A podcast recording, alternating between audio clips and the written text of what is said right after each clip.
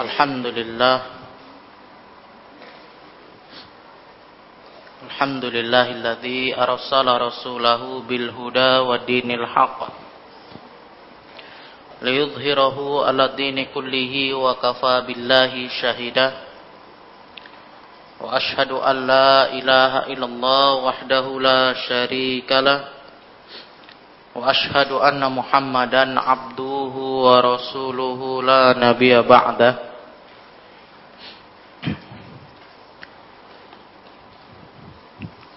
وقال الله تعالى في كتابه الكريم يا أيها الذين آمنوا اتقوا الله حق تقاته ولا تموتن إلا وأنتم مسلمون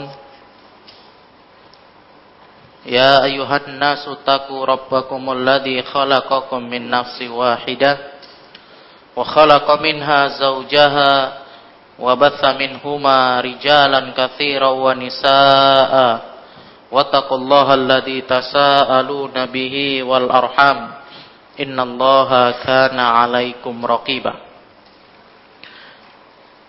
قال نبينا محمد صلى الله عليه وسلم فإن أصدق الحديث كتاب الله جل وعلا وخير الهدى هدى محمد صلى الله عليه وسلم وشر الأمور محدثاتها فإن كل محدثات بدعة wa kulla bid'atin dalalah wa kulla dalalatin finnar.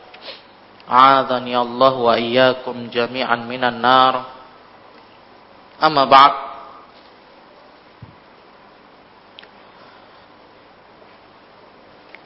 Alhamdulillah puji syukur kita kepada Allah Subhanahu wa taala Dengan rahmat dan kasih sayangnya kepada kita semua Yang Allah tunjukkan Yang Allah subhanahu wa ta'ala titipkan kepada kita yang mana membuat diri kita itu semakin bertambah takut kita kepada Allah Subhanahu wa taala. Semakin dekat kita kepada Allah dengan kita bersyukur kepadanya dengan kita menjalankan perintah-perintahnya dan menjauhi segala apa-apa yang dilarang oleh Allah Subhanahu wa taala. Kemudian selawat dan salam kepada Nabi kita Muhammad sallallahu alaihi wasallam yang mana hari demi hari kita terus dapat merasakan kuatnya iman kita, kuatnya hati kita untuk terus ikut kepada sunnah beliau. Yang mana sunnah ini tidaklah mudah, tidaklah gampang, kecuali bagi siapa yang Allah subhanahu wa ta'ala berikan hidayah kepada kita semua. Enam, melanjutkan pelajaran kita dari kitab Riyadhus Shalihin min kalam Sayyidil Mursalin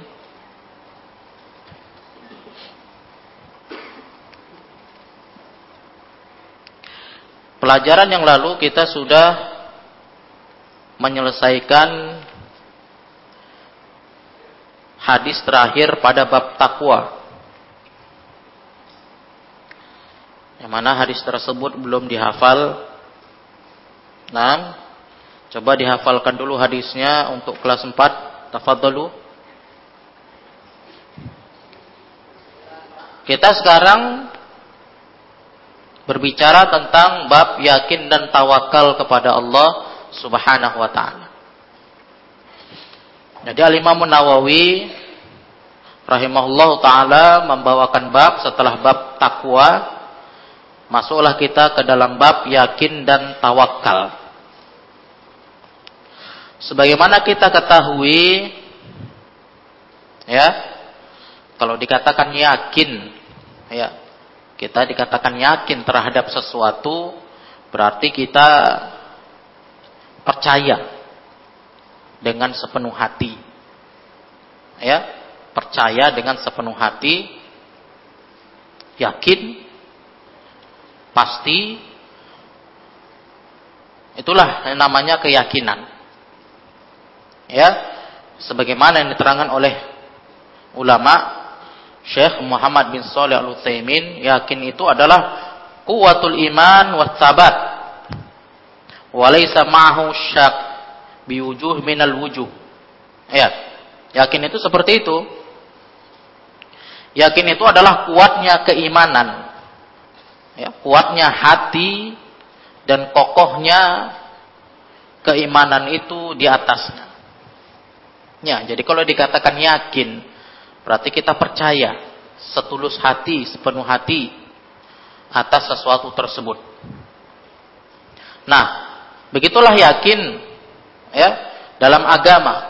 Kalau dikatakan yakin dalam agama ya, dalam ya apa yang Allah Subhanahu wa taala tentukan untuk kita Berarti kita dilarang untuk ragu dan dilarang untuk naam bersikap tidak terima terhadap apa yang Allah Subhanahu wa taala takdirkan untuk kita atau tentukan untuk kita. 6.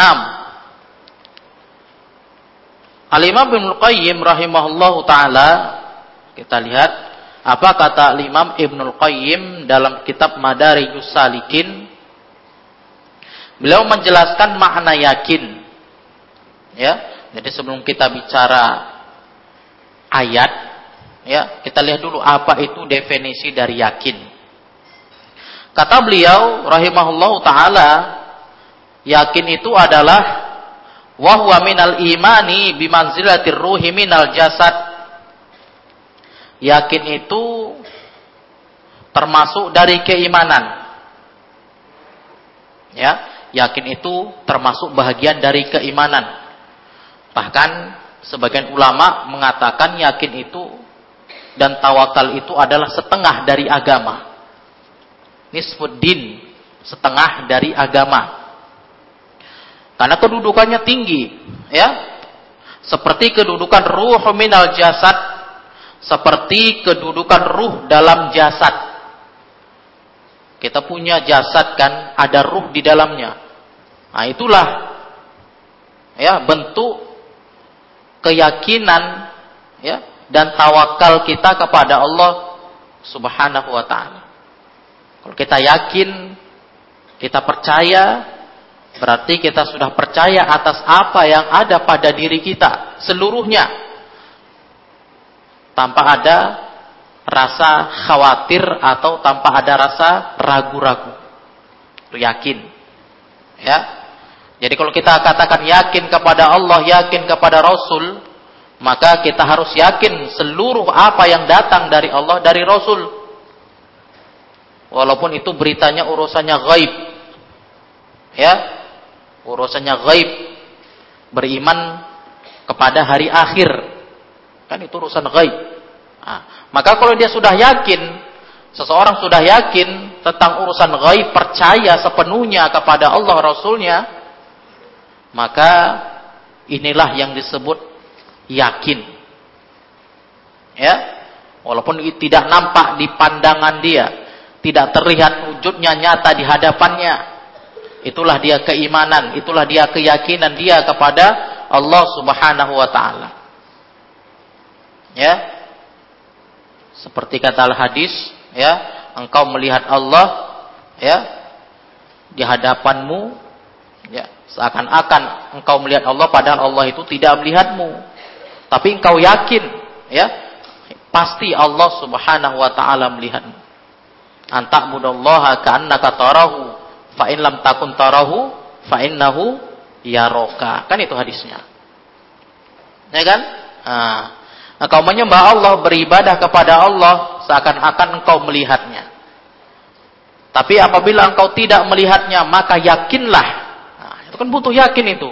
Dalam perkara yang gaib, dalam urusan yang nggak nampak, butuh yakin, percaya. Ya kan? Yakinlah Allah itu melihatmu. Nah, jadi, naam, yakin ini, ya, kata para ulama, itu yahsulu lil insani maksuduhu fid dunya wal akhirah. Ya, Yakin ini menghasilkan dalam diri seorang manusia apa? Ketenangan dalam hati, ketentraman dalam jiwa. Ya, bahagia, senanglah. Ya, kalau kita sudah yakin, sudah percaya Allah Subhanahu wa taala menjaga kita, melindungi kita, maka nggak usah lagi cari-cari tempat lain untuk bersandar. Sadarkan diri kita kepada Allah. Itu yakin. Ya. Yakin percaya. Ibarat kita menitipkan sesuatu barang kepada seseorang. Dia yakin, kita yakin dia itu amanah. Nah, berarti kita nggak usah pening-pening lagi mikirkannya.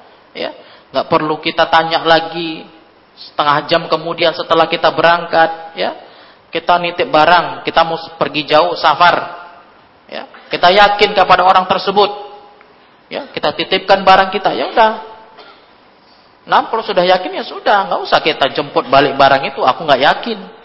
Atau kita telepon berulang-ulang. Ya kan? Nah, itu yakin. Kalau sudah yakin dalam hati kita berarti akan menimbulkan apa? Ketenangan, ketentraman dalam hati. Kemudian mukinun bikulli ma akhbarallahu bihi wa rasulah mutawakkal 'ala Allah.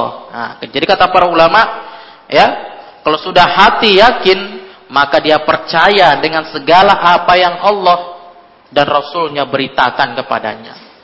Ya, wa mutawakkal Allah dan menyerahkan seluruh urusannya kepada Allah Subhanahu wa taala. Itu efek dampak dari kita yakin. Ya. Berarti kalau sudah kita yakin, tenang hati, tenang jiwa, tentram, nggak ada ragu. Nah, begitulah seharusnya seorang mukmin dalam seluruh urusannya. Ketika dia menyandarkan keyakinannya kepada Allah, maka seharusnya mereka tidak ada lagi bentuk keraguan atau bentuk naam ketidakpercayaan kepada Allah Subhanahu wa taala. Kenapa? Karena banyak orang naam yang dia katakan dia sudah yakin sudah bertawakal kepada Allah Subhanahu wa taala tapi dia naam tidak mau menjalani atau tidak mau melewati sebab-sebab atau perkara-perkara yang harus dia pelajari tentang keyakinannya. Artinya apa? Artinya kalau kita, dia sudah yakin kepada Allah Subhanahu wa taala berarti nggak perlu ragu lagi. Allah lah yang mendatangkan ya kecukupan. Allah lah yang mendatangkan pertolongan.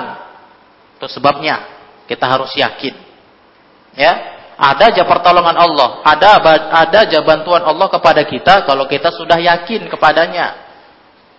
Nah, jadi begitu ya. Kedudukannya tinggi di sisi Allah, seperti ibarat ruh dalam jasad.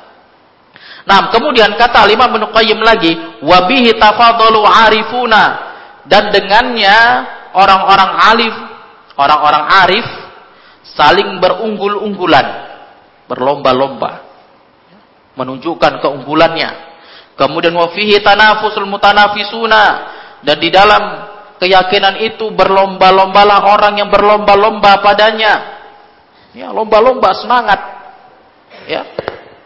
Berserah diri kepada Allah, bertawakal kepadanya, yakin pasti Allah turunkan jalan keluar. Begitu. Kalau sudah yakin kita kepada Allah, nggak ada lagi alasan atau nggak ada lagi celah kita untuk minta kepada yang lainnya. Allah lah yang kita minta. Cukup hasbunallah wa ni'mal wakil. Ya. Ya kan gitu dalam ayat. Cukuplah Allah sebaik-baik pemberi, naam al-wakil. Ya, kecukupan. Ni'mal maula wa ni'man nasir, ya kan? Itulah Allah, ya. Yang memberi kecukupan, ya, yang memberi penolong itu Allah. sebaik-baik pemberi pertolongan ya nikmat itu Allah Subhanahu wa taala. Itu kalau sudah hamba beriman, sudah yakinnya penuh kepada Allah Subhanahu wa taala. Allah kasih dia jalan keluar, Allah kasih dia bantuan, Allah kasih dia kelapangan dari segala urusannya kalau dia sudah yakin. Nah, maka samarah hasil dari yakin itu apa? Hasil dari yakin itu tawakal. Nah, hasil dari yakin itu kita kuatnya tawakal kepada Allah Subhanahu wa taala. Nah, kemudian apa kata Al-Imam Ibnul Qayyim rahimahullahu taala melanjutkan makna yakin ya dan dengannya berlomba-lomba orang yang berlomba-lomba wa ilaihi syamarul amiluna ya. Dan dengannya ya orang-orang berjalan kepadanya ya menuju ke sana. Dengan yakin itu orang banyak menuju ke sana.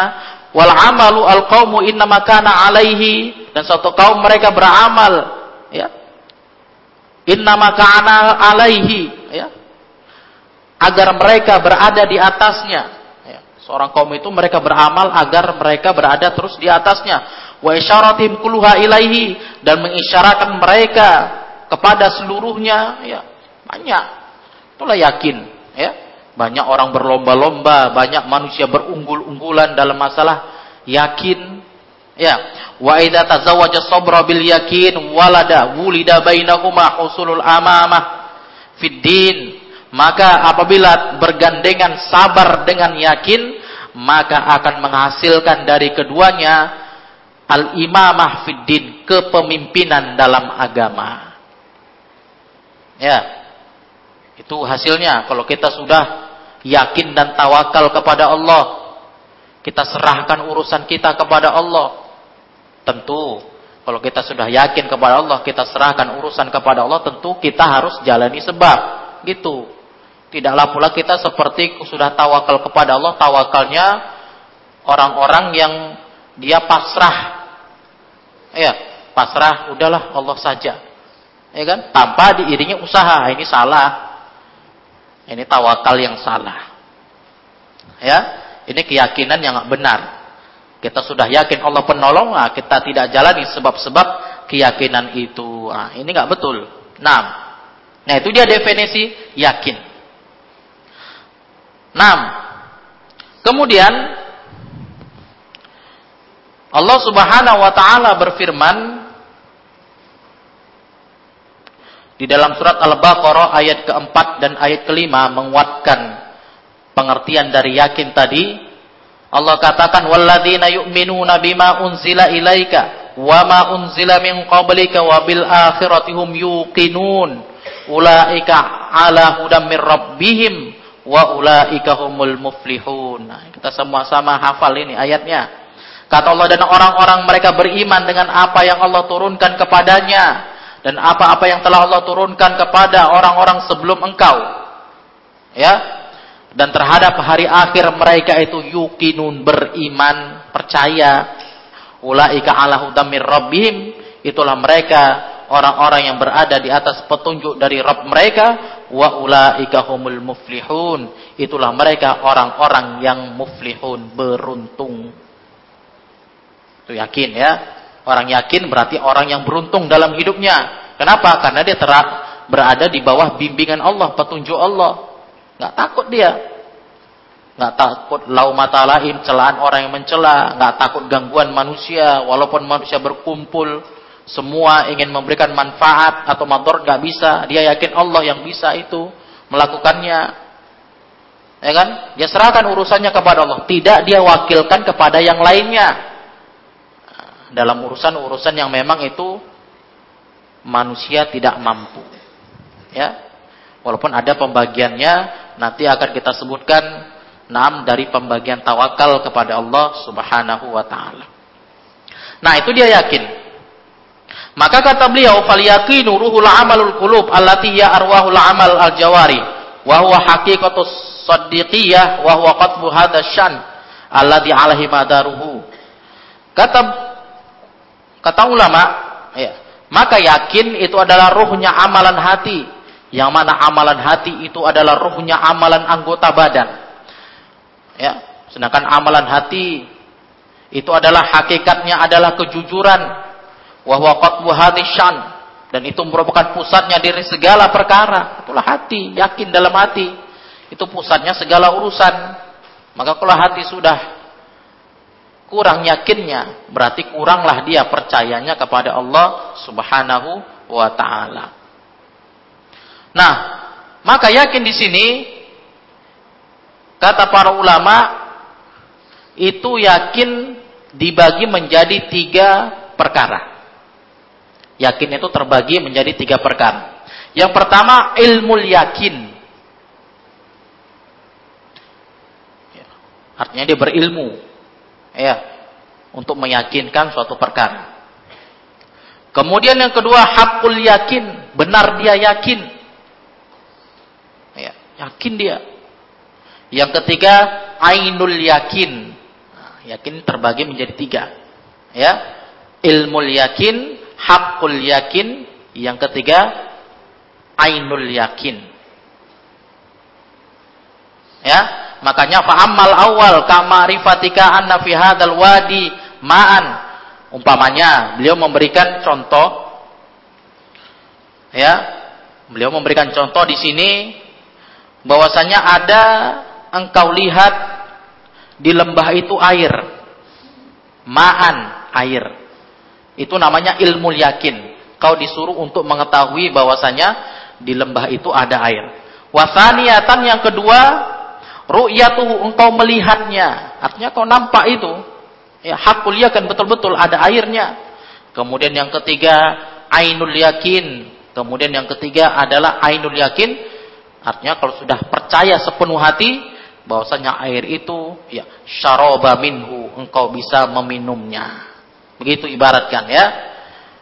Ibarat keyakinan itu kita terhadap sesuatu harus diiringi dengan ilmu, kemudian kebenaran, dengan percaya sepenuhnya dalam hati. Itu namanya ainul yakin. Sepenuh hati, percaya. Jadi nggak ada ragu lagi. Apalagi itu hubungannya kepada Allah Subhanahu wa taala yang itu merupakan perintah Allah kepada kita. Ya, beribadah kepada Allah dengan ikhlas, yakin.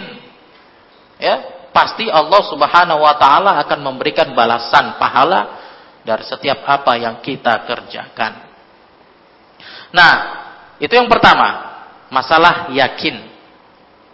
Nah, adapun masalah tawakal, nah, ini Al-Imam Ibnu Rajab Al-Hambali pernah mendefinisikan makna tawakal dalam kitab beliau Jami'ul Ulum wal Hikam. Makna dari tawakal itu adalah huwa sidqu i'timadi qalbi 'ala Allah azza wa jalla Tawakal itu adalah benarnya sandaran hati kepada Allah Azza wa Jalla. Itu tawakal. Benarnya sandaran hati kepada Allah Azza wa Jalla. Fi istijlabil masalih. Di dalam mendapatkan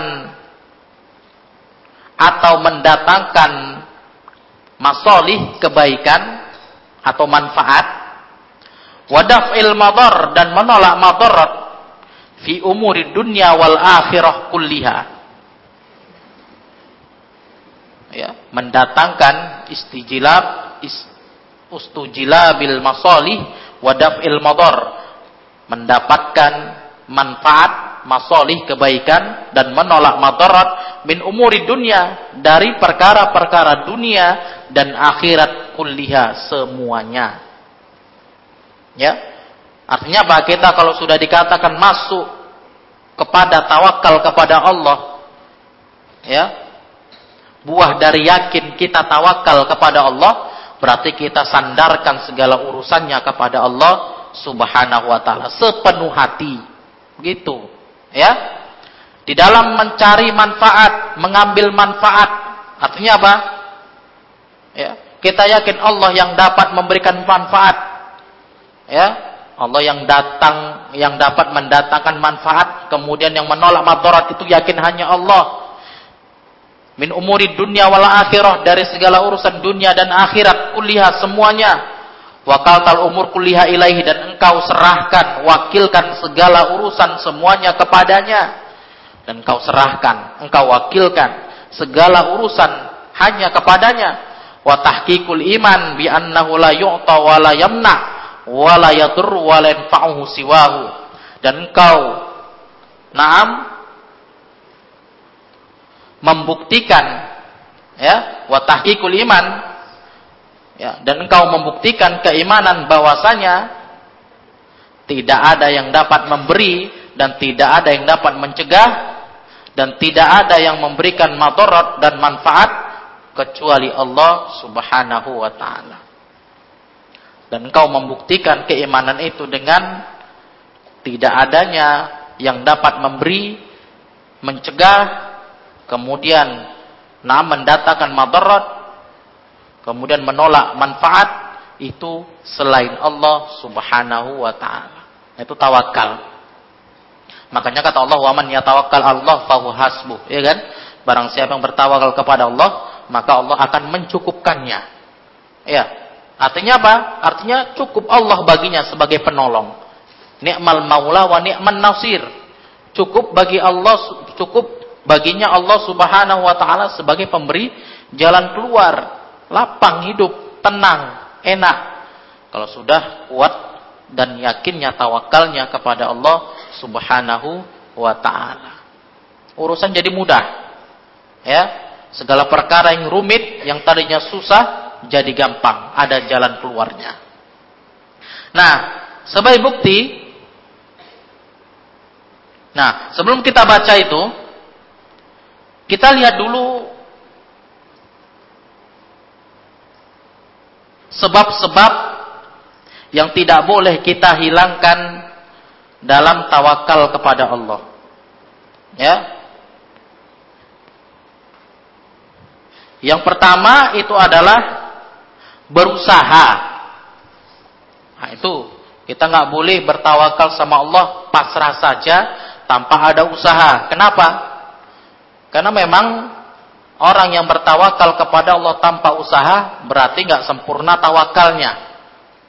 Ya, berarti tidak sempurna tawakalnya kepada Allah. Dia tawakal saja tapi tanpa usaha. Berarti ibaratkan nggak sempurna tawakalnya sama Allah Subhanahu wa taala. Ya, cacat sebelah, ya. Begitu pula sebaliknya. Ya, dia berusaha tanpa berdoa kepada Allah. Ini pun tidak baik. Ya. Tidak benar ini. Dia mengesampingkan Allah dalam segala urusannya. Dia tidak menganggap Allah itu punya campur tangan dalam urusannya. Ingat, ya.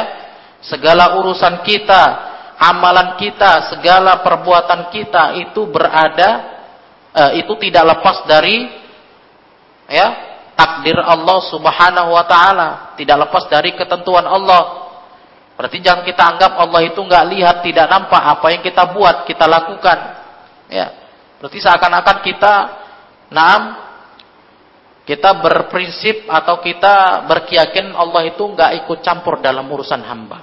Nah, itu hasil dari hamba itu hasil usaha sendiri. Ya kan? Sebagaimana ya angkuhnya ucapan ya ucapan siapa yang memiliki korun yang banyak harta dia beranggapan hasil usaha hartanya itu tidak dari hasil miliknya tidak hasil dari Allah ya nikmat dari Allah tapi dari hasil tangannya sendiri. Ya ini usaha dariku sendiri. Nah, terakhir apa? Ya dengan kesombongannya Allah tenggelamkan dia dengan hartanya. Ya ini pun nggak betul juga. Dia berusaha tanpa dia berdoa bertawakal sama Allah tanpa menjalani doa tersebut, usaha tersebut. Ya, jadi kedua-duanya mesti ada. Adanya usaha yang menyebabkan tawakal itu sempurna kepada Allah Subhanahu wa taala. Nah, kemudian yang kedua tadi ya hati itu condong kuat ya kepada Allah taala dalam meminta. Artinya berdoa kemudian berusaha.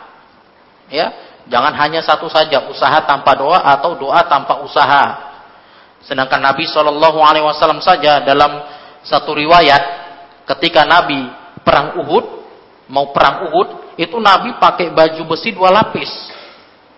Dalam riwayat Abu Daud ya Nabi itu enggak. Padahal Nabi itu contoh ya, manusia yang paling kuat tawakalnya kepada Allah. Tapi Nabi berusaha. Nabi mau perang mau perang Uhud Nabi pakai baju besi dua lapis. Ya. Nah, kemudian Nah, ketika Nabi Shallallahu Alaihi Wasallam hendak berhijrah ke kota Madinah, lihat, ya, salah satu bentuk tawakal Nabi, Nabi suruh ada orang membimbingnya, nggak Nabi jalan aja gitu, nggak ada pembimbing, penunjuk arah, lewat aja. Nah, itu tanda bentuk usaha Nabi, tawakal Nabi, ya, bahwasanya segala urusan itu kita serahkan kepada Allah. Kita enggak kita serahkan urusan itu kepada diri sendiri. Kenapa? Karena kita itu lemah. Kita makhluk yang punya kekurangan, punya kelemahan. Berarti kita butuh Allah sebagai pembimbing. Kita butuh Allah Subhanahu wa taala sebagai penolong. Nah, maka jangan kita naam tidak bertawakal kepada Allah dalam kondisi-kondisi apa pun. Artinya apa? Sahabat ini adalah contoh yang baik untuk kita. Rasul sendiri contoh yang sangat-sangat menjadi tauladan untuk kita. Bagaimana Rasul bertawakal kepada Allah Subhanahu wa taala. Nah, dalam riwayat lain juga ada seseorang yang dia ya membawa unta tapi dia tidak mengikat untanya di pohon. Lantas apa kata dia kepada Rasulullah Sallallahu Alaihi Wasallam? Aku bertawakal kepada Allah. Kemudian Rasulullah Sallallahu Alaihi Wasallam mengingatkan, kalau kamu mau bertawakal kepada Allah, ikat dulu, ya, ikat dulu untanya, ya, baru kamu bertawakal kepada Allah Subhanahu Wa Taala. Nah, begitu pula contoh dari sahabat Nabi, dari sahabat Umar pernah datang riwayat pernah ada sekelompok orang-orang Yaman yang ingin berhaji. Maka berita itu datang kepada sahabat Umar. Ya, ini mau haji nih, ya. Berita datang ke Umar. Apa beritanya? Ya, mereka ini orang-orang berhaji ini tidak bawa bekal. Ya, pasrah saja kepada Allah, tawakal kepada Allah. Ya, dengar itu kepada Umar. Apa kata Umar? Kenapa kalian berhaji tidak bawa bekal? Ya, mereka jawab, bah, kami bertawakal sama Allah. Maka apa kata Umar? Naam. Apa kata Umar? Kalian tidak bertawakal kepada Allah, kalian hanya pura-pura bertawakal kepadanya. Itu kata Umar. Ya. Radhiyallahu taala anhu. Ya, kalian nggak bertawakal ini, kalian pura-pura aja bertawakal. Kalau tawakal itu ada usaha, jalani sebab. Ya, karena sesuatu itu Allah jadikan ya, ada sebabnya. Tapi sebab itu bukan menjadi tolak ukur, ya. Sebab itu bukan menjadi sandara utama kita naam dapat tawakal dari Allah. Enggak sebab utama, tapi segala sesuatu sudah Allah gariskan sebabnya ada. Ya. Ada sebab baik, ya itu harus kita jalani. Ada sebab buruk yang harus kita tinggalkan. Kan gitu. Kita nggak boleh sembarangan bertawakal kemudian kita cari alasan sebabnya buruk, sebabnya salah. Ini nggak boleh, ya kan? Nah, nah begitulah dia, ya. Itu makna dari tawakal. Kita menyerahkan urusan kita kepada Allah Subhanahu wa taala. Naam demi mendatangkan manfaat dan menolak madarat dan kita yakin hanya Allah lah yang itu yang bisa melakukannya. Nah, kemudian kita masuk ayatnya. Apa kata Allah Subhanahu wa taala? Walamma ra'al mu'minuna al-ahzaba qalu hadza ma wa'adana Allah wa rasuluhu wa sadaqallahu wa rasuluhu wa ma zadahum illa imanan wa taslima. Kata Allah dalam surat Al-Ahzab ayat ke-22. Kata Allah Subhanahu wa taala dan tatkala orang-orang mukminun itu mereka melihat Al-Ahzab. Apa Al-Ahzab? Al-Ahzab kata para ulama dalam syarah Syekh Muhammad bin Shalih Utsaimin tawaif min qabail ya al mutaaddidah yata'allamu ala Rasulillah sallallahu alaihi wasallam wajtama'u ala harbihi nahwu asyara alaf muqatil min Quraisy Azab itu adalah kelompok-kelompok yang terdiri dari macam-macam kabilah. Yang mereka ingin ya menyerbu Rasulullah Shallallahu Alaihi Wasallam ya ingin menyerang Rasul ya. Kemudian istama'u ala harbihi ngumpul mereka ingin menyerangnya. Kira-kira jumlah mereka 10.000 orang ya muqatil yang terdiri dari prajurit-prajurit dari suku Quraisy. Mereka harasu mereka mengepung kota Madinah. Kemudian mereka ingin melenyapkan Nabi Shallallahu alaihi wa alihi wasallam. Itulah ahzab ya. Ahzab kelompok-kelompok dari Quraisy ya beberapa kelompok dari Quraisy yang mereka jumlahnya hampir 10.000 orang terdiri dari prajurit-prajurit yang tujuan mereka ingin naam menghancurkan dan mengalahkan naam tentara Rasulullah sallallahu alaihi wasallam. Ya, kemudian qalu hadza ma wa rasulah, mereka berkata, ya. Ini adalah janji Allah kepada kita.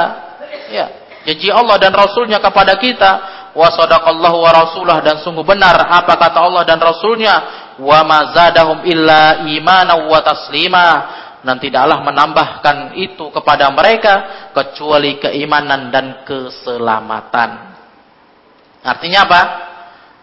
Artinya kalau kita lihat kisah dari ayat ini jelas ya bahwasanya orang-orang kafir Quraisy yang mereka ingin menyerbu Rasulullah Shallallahu Alaihi Wasallam dan para sahabatnya, nah, ingin mengalahkan Rasul di kota Madinah, mereka semangat ingin nah, memerangi Rasulullah Shallallahu Alaihi Wasallam, kemudian Allah uji mereka, ya Allah uji sahabat-sahabat Nabi mana di antara mereka yang kuat tawakalnya kepada Allah.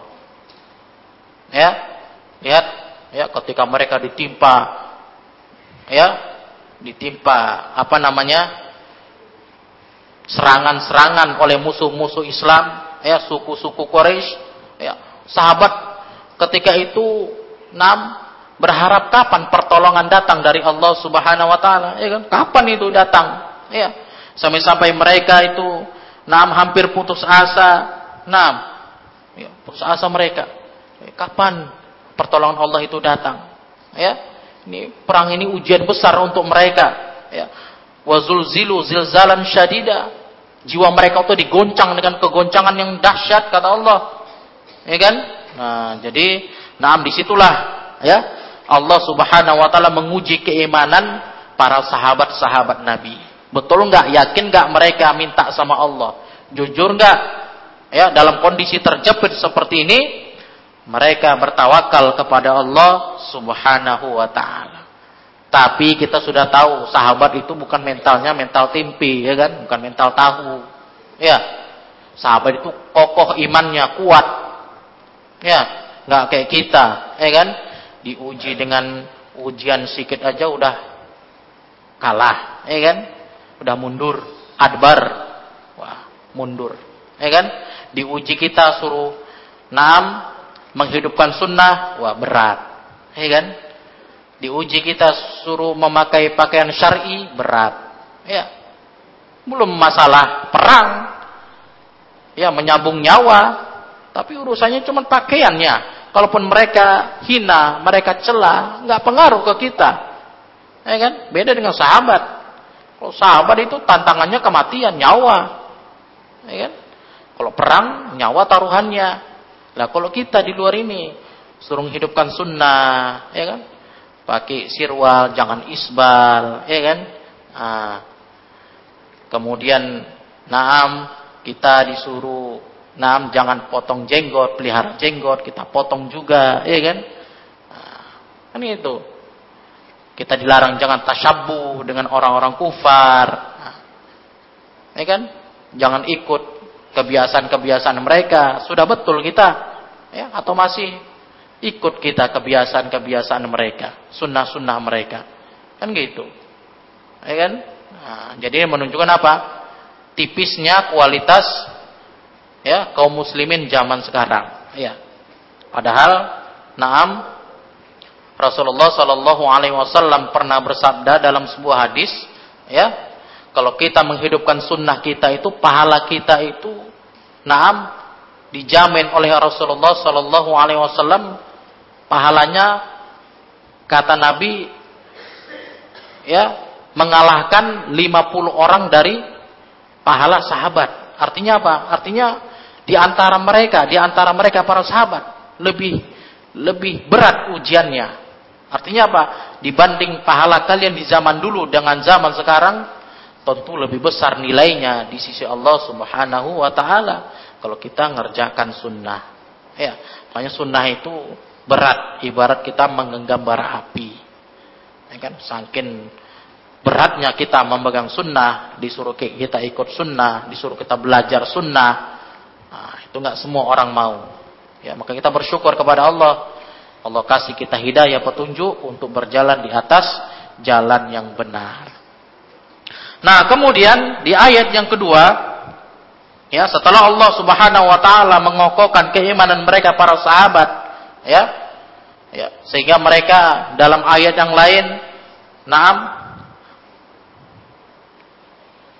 mereka menduga tentang ya Allah yang tidak-tidak wa yadhunnuna ya dan mereka menduga tentang Allah ya dengan hal yang tidak-tidak nah ini membuktikan khawatir sahabat kapan Allah itu menolong mereka nah, jadi Seharusnya begitu, ya. Kita sebagai mukmin tidak pantas kita naam bersikap merasa kita yang paling mampu, merasa kita yang paling bisa untuk melakukan sesuatu tanpa Allah ikut andil dalam urusan kita. Nah, kemudian yang kedua dalilnya walladzina qala lahumun nasu innan nasa qad jama'u lakum fahsyauhum fazadahum imana Wa qalu hasbunallahu wa ni'mal wakil.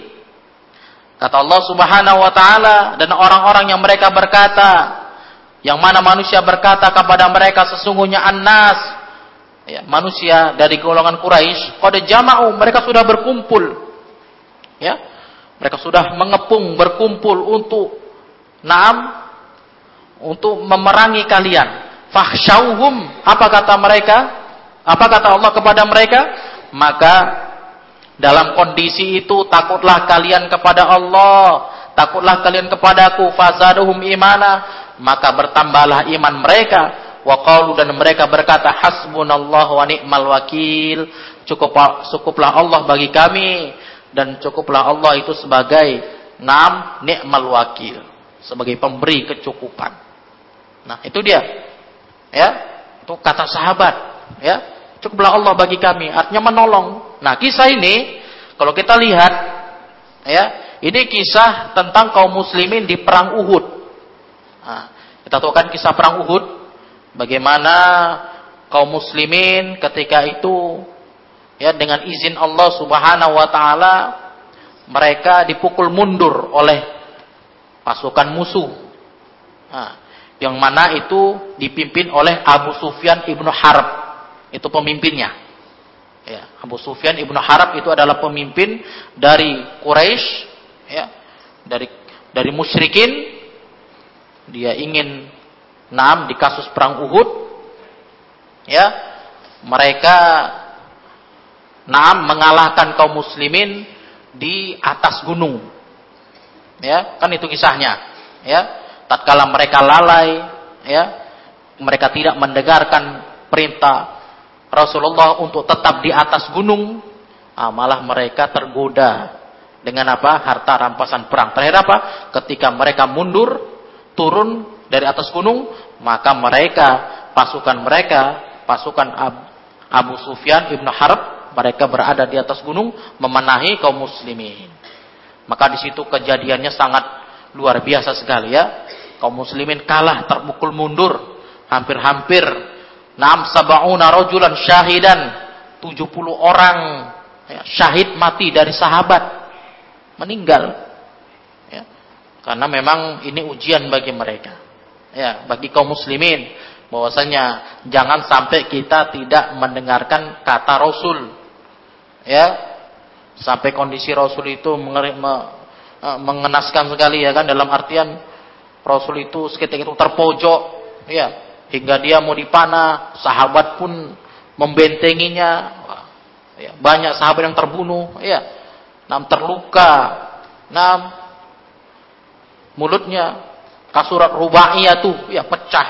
Ya giginya nah, kan mengerikan ya sampai sahabat menghalanginya terbunuh tertusuk sama panah tombak. Nah, begitulah tersudut. Terakhir apa? Dari Allah Subhanahu wa taala menunjukkan kekuasaannya kemuliaannya dengan Allah Subhanahu wa taala menolong mereka. Iya tapi sudah terjadi itu. Ya itulah hikmah. Ya tidak mendengarkan cakap Rasulullah sallallahu alaihi wa alihi wasallam. Maka sisi dari sayap kiri orang-orang musyrikin ya, mereka menyerbu kaum muslimin yang sudah kaum muslimin itu kalah telak, ya kan? Dengan mereka berbangga-bangga dengan jumlah mereka, kan itu mus muslimin banyak jumlahnya, seakan-akan mereka sombong. Ya, padahal nggak sombong, ya. Mereka merasa hebat dengan banyaknya, ah nggak mungkin kami kalah. Padahal Allah tunjukkan kalau kalian tidak bertawakal kepada Allah, Allah tidak akan menolong kalian. Terakhir apa? Kalah telak ya di perang Uhud. Tapi di kasus perang Badar mereka menang. Naam. Nah, itu dia ya. Nah, kemudian Allah katakan lagi wa tawakkal 'alal hayyil ladzi la yamut dan bertawakallah kalian kepada yang maha hidup yang tidak mati, yaitu siapa? Allah Subhanahu wa taala. Allah itu maha hidup. Ya, Allah itu hidup terus. Ya, kita nggak tahu Allah itu kapan hidup, kapan mati. Ya, Allah itu hidup terus, kita nggak tahu kapan. Ya, yang ada kita itu fana, lenyap. Ya, kuluman alaiha fan, kata Allah ya kan. Setiap apa yang ada di bumi ini pasti lenyap, hilang. Yang tetap adalah Allah Subhanahu wa taala. Nah, kemudian wa 'alallahi falyatawakkalul mu'minun. Begitu pula dan terhadap Allah orang-orang beriman itu bertawakal, berserah diri, berpasrah diri. Ya, orang mukmin begitu. Ya. Bahkan sebagian para salaf, perlu kalian lihat, ya, sangkin kuatnya mereka bertawakal kepada Allah, ya. Ibarat seperti burung, ya kan? Nah, dalam hadis, ya. Ya, tabdu himason burung itu kalau pergi pagi-pagi perut kosong, ya kan? Ya. Wataruhul bitona, pulang dalam keadaan perut perut itu kenyang. Ya, artinya dia berusaha tetap dijalani. Ya, enggak tawakalnya seperti tawakal siapa sekarang, ya kan? Udah aku tawakal kepada Allah lah, ya kan? Ala sufi sekarang, ya kan? Nah, tawakal, ya, kuruj, nggak perlu bawa apa-apa. Udah, nanti pasti ada yang orang ngasih makan. Enggak gitulah, ya kan? Mengharapkan minta-minta dia sama orang. Ini pun enggak benar. Tawakal yang betul itu sal dia harus berusaha, tidak menyampingkan usaha. Dia harus jalani sebab. Karena memang tawakal itu kata para ulama itu dibagi menjadi empat. Nah, nanti akan kita baca di pertemuan selanjutnya. Ya, tawakal itu dibagi menjadi empat. Nah, kemudian Allah katakan lagi, Faidah azam fatawakal ala Allah dan apabila engkau bertekad sudah membulatkan tekadmu, maka engkau bertawakallah kepada Allah Subhanahu wa taala. Ya. Tawakal saja. Bismillah tawakal gitu seharusnya orang beriman. Ya, berdoa, berusaha. Jalani sebab, sebabnya tentu sebab yang mubah yang boleh, yang syar'i, bukan sebab yang enggak syar'i, ya kan? Nah, boleh bertawakal tapi cari sebab yang enggak syar'i. Insyaallah Ya kan? Naam. Nah, kemudian waman yatawakkal 'ala Allah fahuwa hasbu. Allah katakan lagi barang siapa bertawakal kepada Allah maka niscaya Allah akan memberikan kecukupan kepadanya. Itu buah hasil dari tawakal. Allah kasih jalan keluar, Allah kasih naam apa namanya? pertolongannya, Allah kasih bantuannya. Itu tawakal. Nah, Nah, ayat terakhir kemudian Allah katakan dalam surat Al-Anfal kedua, "Innamal mu'minuna alladzina idza dzukirallahu wajilat qulubuhum wa idza tuliyat 'alaihim ayatuhu zadatuhum imana wa 'ala rabbihim yatawakkalun." Naam, kata Allah Subhanahu wa taala hanya saja orang beriman itu adalah orang-orang yang apabila diingatkan Allah kepada mereka, wajilat kulubuhum, bergetar hati mereka. Loh, kenapa hati mereka bergetar? Karena takut kepada Allah. Itu kata para ulama. Ya kan? Kita itu naam kalau diingatkan tentang ayat Allah, kalau ada yang takut, ada yang bergetar, ada yang sedih. Ya. Ada yang merasa takut, nah, berarti itu imannya baik, bagus. Tapi kalau kita diingatkan ayat Allah, diingatkan nasihat Allah, malah lihat sana, lihat sini, pura-pura nggak dengar, ya kan? Apalagi dibacakan, pas taklim, pas pas dengarkan ayat Quran, lagi sholat atau yang semisalnya, wah, kita pura-pura nggak peduli. Nah, ini tandanya orang-orang yang nggak kurang rasa takutnya kepada Allah Subhanahu wa taala. Kan kita seharusnya kan nggak begitu. Kita sebagai orang-orang yang beriman, ya terkhusus kita lagi pelajar ini ya kan. Kalau kita lagi mendengarkan nasihat, apalagi itu nasihat dari Allah, dari Rasulnya, kita fastami'u, dengar, wa ansitu, diam, perhatikan. Ya, jangan ngobrol sana, ngobrol sini, ya kan? Cengenges sana, cengenges sini. Ya kan? Di luar taklim nggak gitu, tapi dalam taklim gitu dia, ya kan?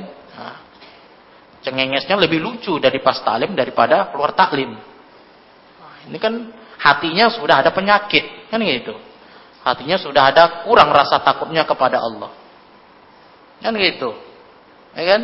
Nah, kita jangan gitu. Kita ini bukan tempat wadah, bukan wadah wadah barbar ya kan. Sikit-sikit main pukul, sikit-sikit main pukul supaya dengar. Kan nggak gitu kita. Kita ini penuntut ilmu, Ya kan? Kita dimuliakan dengan ilmu. Ilmu Al-Quran dan Sunnah. Di luar kok bisa kita tenang. Nggak usah jauh-jauh lah. Ya kan? Kalau ada upacara bendera, kalian mana tahu ada yang pernah sekolah, ya kan? Upacara bendera. Nah, kita disuruh hormat, kita nggak hormat. Apa tindakan guru, guru-guru awam kalian itu ke kita? Pasti dipukul, ditendang, ya kan? Ah, mesti hormat. Gak boleh bersuara, gak boleh cekikian, gak boleh apa-apa. Tandanya itu bukan momen-momen biasa itu. Kita disuruh menghormati bendera. Ah, coba bendera pula dihormati ya kan? Itu ngeri itu kalau udah kita yakin punya kemuliaan bendera itu bisa jatuh syirik kita. Ya kan? Menghormati bendera. Ada kita cekiki-cekiki, oh, kok nggak ditendang kita, ya kan? Dihukum, dijemur kita di panasan. Nah ini kata Allah, kata Rasul ya, yang menciptakan kita semua, yang buat kita semua, yang menghidupkan kita, mematikan kita.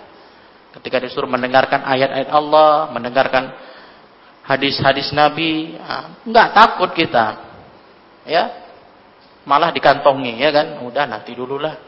Ya kan? Ini ciri-ciri kurang tandanya takutnya kepada Allah Subhanahu wa taala. Ya. Ini kurang takutnya kepada Allah Nah, bahkan para salaf, ya, kata para ulama, kata syekh di situ, ya, ketika dibacakan ayat-ayat Allah tentang neraka, tentang rasa takut, dia itu langsung sakit. Nah, itu para salaf itu, langsung sakit demam. Ya, seharian seperti manusia ingin menjenguknya. Ya. Ya, seakan-akan manusia itu ingin menjenguknya. Menunjukkan apa? Rasa takutnya ketika dia mendengarkan ayat-ayat Allah Subhanahu wa taala. Nah, para ulama salaf lagi ketika dibilang ittaqillah, takwa kalian kepada Allah. Nah, ya kan? Takut kalian kepada Allah. Kalau kalau dulu belajar di Yaman, kalau ada mustafid atau orang Arab ya ngomong sama kita, ya rojal kata bilang. Orang bilang wahai orang ya hei manusia gitu bilang. Ini menunjukkan apa? Udah bandel kali nggak bisa dibilang. Ya rojal itakillah katanya. Wih berarti itu hardikan yang keras itu. Itu orang Arab. Karena mereka tahu makna dan paham. Kita itakillah wah buang muka. Eh kan? Pura-pura nggak tahu. Cengengesan. Itakillah Dulu salah, itakillah. Apa? Udah dibilang itakillah, apa yang dia pegang itu jatuh langsung. Bertakwalah kamu kepada Allah. Apa yang dia pegang itu, yaskut, jatuh. Getar hati mereka. Itulah sahabat ulang eh, apa? Naam, para salaf dulu. Ya itu dalam syarahnya ada. Yang syarah Syekh Muhammad bin Soleh Utsaimin. Syekh Soleh Al-Utsaimin rahimahullahu taala. Ya. Jatuh apa yang ada di tangannya. Ittaqillah. Irta'ada wa yasqutu ma Ya, bergetar hatinya, jatuh apa yang apa di, apa yang ada di tangannya. Apa yang dipegangnya itu jatuh langsung. Ya. Kita ittaqillah. Wah. Ketawa-ketawa di sudut sana, di sudut sana, ketawa-ketawa. Cengengesan, ya kan? Nggak takut sama Allah. Ya. Nah, ini bukti kualitas imannya iman ya iman apa kita bilang? Iman nggak kuat artinya iman macam iman tipis macam sarang laba-laba ya kan? Nampaknya kuat tepilin tepilin kuat. Oh, rupanya nggak kuat dia. Kita halau saja nggak usah pakai apa-apa ya. Hilang aja udah itu. Nah nah itulah ya. Jadi hati-hati kita. Nah kita disuruh bertawakal kepada Allah tujuannya untuk apa? Ya tujuannya untuk meyakinkan menguatkan ketakwaan kita kepada Allah. Kita serahkan pasrah kepada Allah subhanahu wa ta'ala. Nah, taib itu hadisnya. Insyaallah nanti minggu depan akan kita baca. Ya. Al-muhim. Nah, dari beberapa ayat ini menjadi pelajaran untuk kita agar kita Naam sebagai muslim sebagai manusia ya kita diajarkan untuk selalu ingat kepada sang pencipta kita yaitu Allah. Itu intinya. Ya. Kita serahkan urusan kita kepada Allah Ya, kita nggak mampu, nggak bisa menyelesaikan segala urusan, bahkan kita nggak bisa hidup, makan, minum pun nggak bisa. Kalau dengan pertolongan dari Allah, nggak usah macem-macem, ya. Kita makan minum aja pun nggak bisa kalau nggak pertolongan dari Allah Subhanahu Wa Taala. Kalau Allah nggak Allah mudahkan kita untuk buat nggak bisa kita. Ya, karena semua hati, semua apa yang kita miliki itu bukan milik kita seutuhnya, tapi itu punya Allah dan hati kita itu berada di jari jemari Allah Subhanahu wa taala. Jadi jangan bangga apa yang punya, apa yang kita miliki, apa yang kita punya. Ya. Nah, kita manusia naam di hadapan Allah itu sama. Enggak ada yang hebat. Ya kan? Nah, kita ini sama semua. Yang membedakannya adalah apa? Ketakwaan kepada Allah Subhanahu wa taala. Takwa iman dalam hati. Ya, makanya di sini di majelis ini nggak ada, ya. Dalam menuntut ilmu itu nggak ada sama semua. Mau mana tahu ada anak anak wali kota atau mana tahu ada ada anak kepala sekolah, ya kan? Mana tahu ada anak anak orang kaya, sama semua dalam belajar ilmu agama, sama. Ya, yang membedakan apa? Ketakwaannya. Gitu. Nah, kalau di umum ya, ya kan? Nah, kalau di umum punya jabatan, punya kedudukan kasih kursi khusus, ya kan? Kalau kita enggak, sama semua. Ya, yang Allah nilai hati kita. Ilahuna wallahu taala alam bisawab subhanakallahumma wa bihamdika asyhadu an la ilaha illa anta astaghfiruka wa atubu ilaik walhamdulillahi rabbil alamin.